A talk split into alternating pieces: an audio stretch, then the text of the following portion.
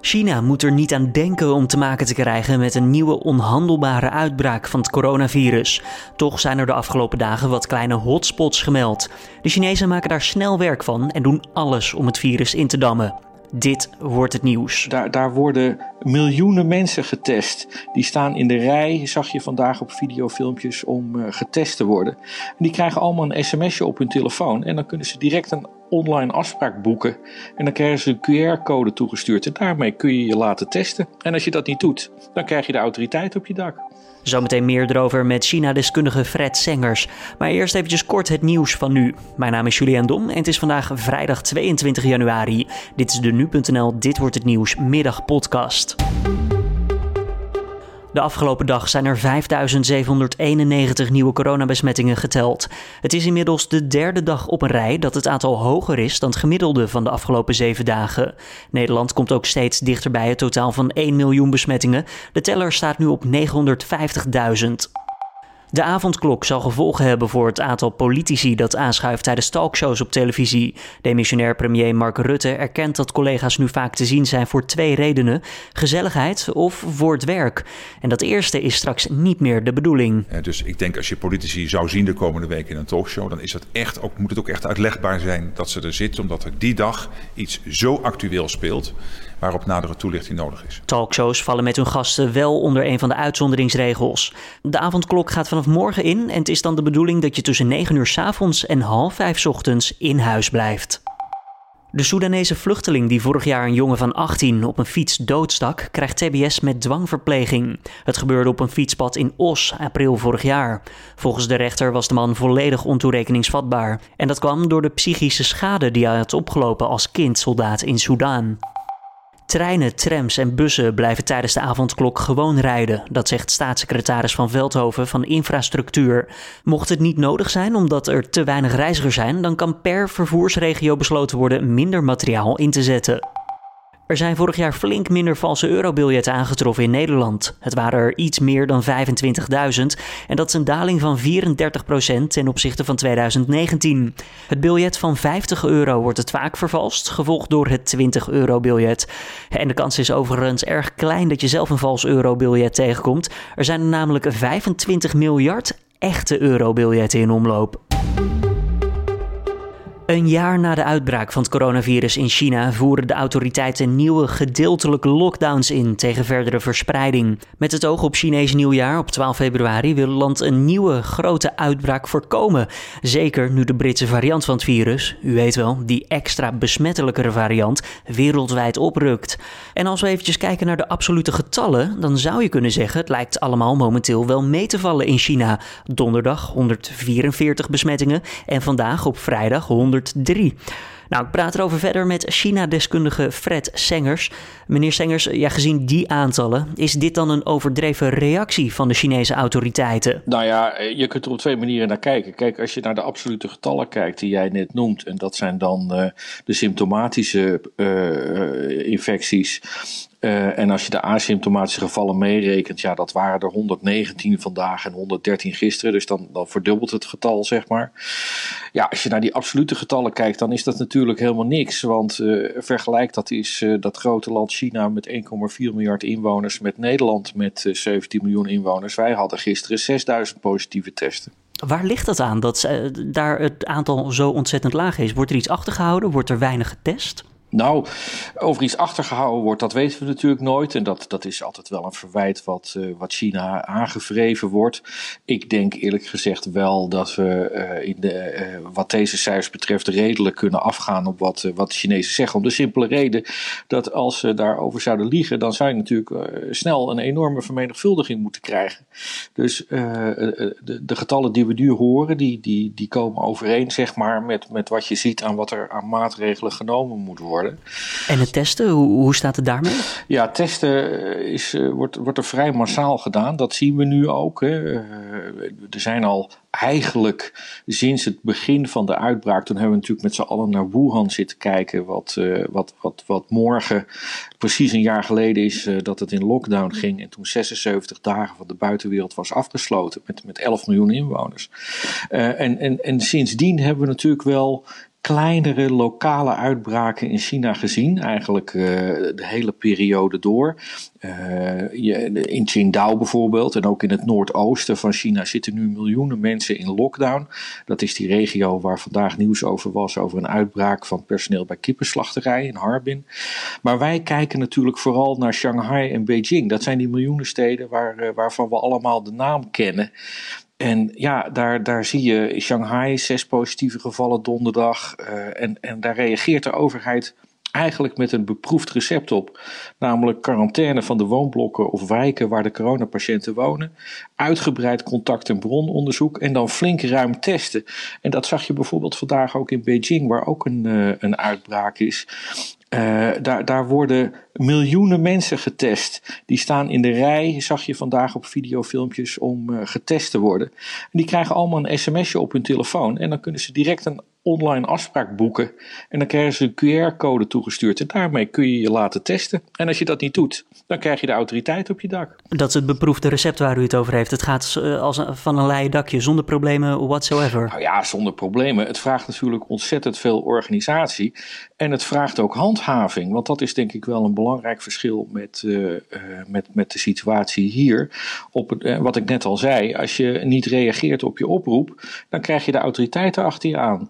Dus de, de, mensen die, die zorgen er wel voor dat ze, dat ze er echt getest worden. Want hoe streng is die handhaving?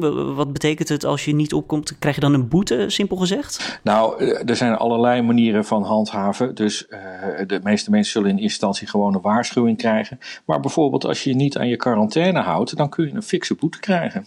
Ondertussen hebben de Chinezen ook een eigen vaccin ontwikkeld tegen het coronavirus. Hoe staat het met de uitrol daarvan? Ja, nou ja, er is er nog een andere reden waarom de Chinese overheid eigenlijk er nu bovenop zit met, met die lokale uitbraken. Want de, ja, die aantallen zijn misschien niet zo groot, maar ze zijn toch bang voor een tweede golf, hè, die wij hier al lang gehad hebben, maar waar China nog, nog, nog steeds bang voor is. En dat heeft natuurlijk alles te maken met Chinees nieuwjaar, wat eraan zit te komen. Nog drie weken, 12 februari, hè, de grote dag. Ja, je, weet dat mensen dan massaal gaan reizen naar hun geboortegrond om, om dat Chinees nieuwjaar, wat het belangrijkste feest voor de Chinezen is, met de familie te vieren. Um, dus ja, de Chinese overheid heeft zich voorgenomen om voor die tijd 50 miljoen mensen uh, te, te vaccineren. Dat zijn dan uh, zeg maar Chinezen die, die werken in wat wij de essentiële beroepen zouden noemen. En daar wordt nu, nu hard aan gewerkt. 50 miljoen op meer dan 1 miljard ja, klinkt niet alsof het, uh, alsof het heel veel gaat uitmaken, toch? nou, daar heb je in zekere zin natuurlijk gelijk in, want dat is dan weer de andere kant van de grote getallen van China. Hè. Op die 1,4 miljard is 50 miljoen inderdaad niet veel. Maar het heeft natuurlijk ook alles te maken met uh, de capaciteit, want uh, ja, die vaccins moeten wel geproduceerd worden. En in die zin is 50 miljoen wel weer een aardig getal. Maar het Chinees nieuwjaar lijkt vooralsnog in ieder geval gevierd te kunnen worden. Het is niet zo dat China zegt van jongens, iedereen in lockdown, we gaan dit jaar overslaan? Nee, nee. Ik denk dat dat ook wel heel moeilijk zou zijn, heel slecht zou vallen. Um, kijk, uh, als je in een wijk woont of in een stad waar uh, echt een uitbraak is, dan denk ik dat mensen er wel begrip voor hebben als ze zeggen van uh, ja, je mag hier nu niet in en uit. en, en ook als ze er geen begrip voor zouden hebben, dan wordt dat gewoon afgedwongen. Maar in andere delen van China, waar nu eigenlijk nauwelijks of geen positieve tests worden, worden geconstateerd, dan, dan is dat dan natuurlijk een ander verhaal. Dat is veel moeilijker om te doen. Um, maar je ziet wel dat de Chinese overheid probeert mensen te stimuleren om dit jaar maar eens thuis te blijven. Uh, je ziet bijvoorbeeld financiële prikkels voor thuisblijvers, zoals beltegoed of gratis bezorging van voedsel. Of, of ze krijgen waardebonnen die je alleen in deze periode kan inwisselen. Uh, dus er wordt wel geprobeerd het een beetje te dempen. Maar ik denk wel dat we ervan uit moeten gaan dat er wel weer uh, honderden miljoenen Chinezen op reis zullen gaan. Hier in Nederland zitten de autoriteiten erg op, het reis, uh, ja, op de reisbeperkingen. Ga niet naar het buitenland en dergelijke. Um, hoe kijkt China naar de oorzaak van die verschillende lokale uitbraken? Want het is niet op één locatie. Het zijn in, verschillende, in verschillende steden dat dit is ontstaan. Oftewel, hebben zij een point of origin gevonden? Uh, denken ze bijvoorbeeld dat het door reizigers zou komen? Ja, bij veel uh, uitbraken die we tot nu toe uh, gezien hebben, is dat het geval. Dat het uh, gaat om Chinezen die uit het buitenland zijn teruggekeerd en het virus hebben meegebracht. Maar er zijn ook wel wat ze dan lokale besmettingen noemen, waarin niet precies is terug te, te vinden ehm, waar, waar dat is ontstaan en wie dat heeft meegebracht. En ja, de Chinezen houden er natuurlijk toch rekening mee dat of het nou uit het buitenland komt of niet, of dat het nou van grondwaard in China of niet, dat het op enig moment weer zijn kop gaat opsteken. En, en, en, en ja, kijk, China is weliswaar op dit moment een betrekkelijke oase van coronaveiligheid vergeleken met uh, Europa of met de Verenigde Staten. Uh, maar er blijft natuurlijk het risico dat, uh, de, dat zij alsnog die tweede golf voor de kiezer krijgen. Fred Zengers, China-deskundige, ik wil hartelijk danken voor uw tijd en toelichting. Ja, graag gedaan. Dan nog eventjes het weer van Weerplaza. Vanavond is het droog en vannacht neemt de kans op een bui toe. Lokaal met wat winterse neerslag. De temperatuur die daalt naar min 1 tot 3 graden. En morgenochtend dan kunnen een aantal winterse buien alsnog vallen. Met 5 graden wordt het dan weer een stukje kouder dan vandaag. En om af te sluiten dit. De meeste mensen die verzamelen wel iets, maar Kees Oosterbaan die verzamelt wel iets heel bijzonders. Namelijk sneeuwballen. Ik belde eventjes met hem om te vragen hoe hij ooit met deze speciale hobby is begonnen. Ja, jaren geleden dan uh, maak je een sneeuwbal. Doe ik natuurlijk wel eens vaker. En toen dacht ik van, oh, dat is eh, aardig om die te bewaren in een plastic zakje. Zo is dat begonnen. En hoeveel heeft u er inmiddels? Ik heb er uh, ruim 20 op dit moment. Dan kan ik me ook voorstellen, ja, een sneeuwbal, voor mij zien ze er allemaal een beetje hetzelfde uit. Hoe houdt u nog onderscheid tussen al die ballen? Nou, ze zien er natuurlijk allemaal hetzelfde uit. Dat is, uh, een sneeuwbal is een sneeuwbal. De ene iets groter of iets kleiner. Maar uh, ik heb ze dus, doe ze dus in een plastic zakje. Dus één bal in één plastic zakje. En dat schrijf ik dan op met uh, veel steeds het jaar waarin ik die sneeuwbal gemaakt heb. De datum. Ja, dat is het. En dan gaat hij in een vries uh, laden. En dan uh, ja, bewaar ik hem gewoon. Verder doe ik er niks mee. Maar dan zou je dus vals kunnen spelen, toch? Want als ze op elkaar lijken, het enige bewijs is uh, wat erbij staat. Dat zou kunnen, ja. Uh, wat maakt het dan zo leuk op die manier? Nou, het, het is leuk om zoiets te verzamelen. Een, een sneeuwbal verzamelen. Want uiteindelijk, de sneeuwbal, uiteindelijk verdwijnt hij natuurlijk. Hij moet altijd, of je moet hem bewaren, eeuwig bewaren in de vrieskist. Maar dat is een beetje lastig. Dus in de sneeuwbal bewaren, maar je weet ook, als je hem uit die vrieslade haalt, dan, dan verdwijnt, dan smelt hij en dan heb je geen sneeuwbal meer. Uw ergste nachtmerrie zal dan wel een stroomuitval zijn. ja, inderdaad. Het zou een nachtmerrie zijn, ja.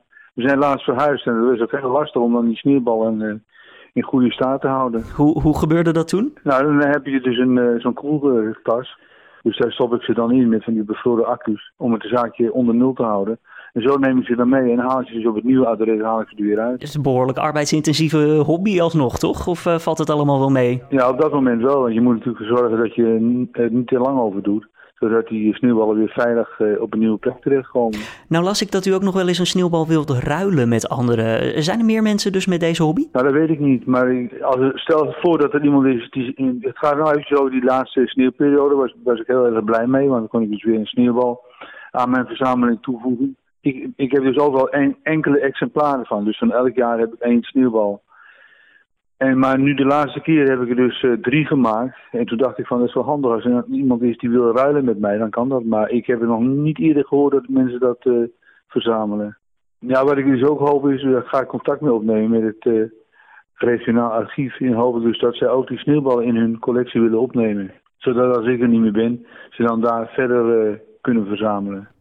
Bij deze in ieder geval een mooie oproep uh, voor de ballen die over zijn uh, om ze te kunnen ruilen. Nog eventjes, uh, de oudste sneeuwbal in uw bezit, uit welk jaar komt die? ja, dat weet ik niet. Dat kan ik zo eind niet zeggen, maar het eind 90 jaren. 1999, zoiets, 1998. Nou, laten we hopen dat die stroomuitval er niet aan zit te komen en dat alles netjes bevroren blijft in, de, in de vrieskist. Ja, dat hoop ik ook. Ja. En dit was dan de Dit Wordt Het Nieuwsmiddag podcast van deze vrijdag 22 januari. Tips of feedback zijn welkom. Laat het even weten via podcast.nu.nl. Ik wens je voor nu een veilig en gezond weekend toe. En maandagochtend zit om 6 uur ochtends mijn collega Carne van der Brink weer in de studio om je bij te praten met het nieuws van nu, maar dan van dan.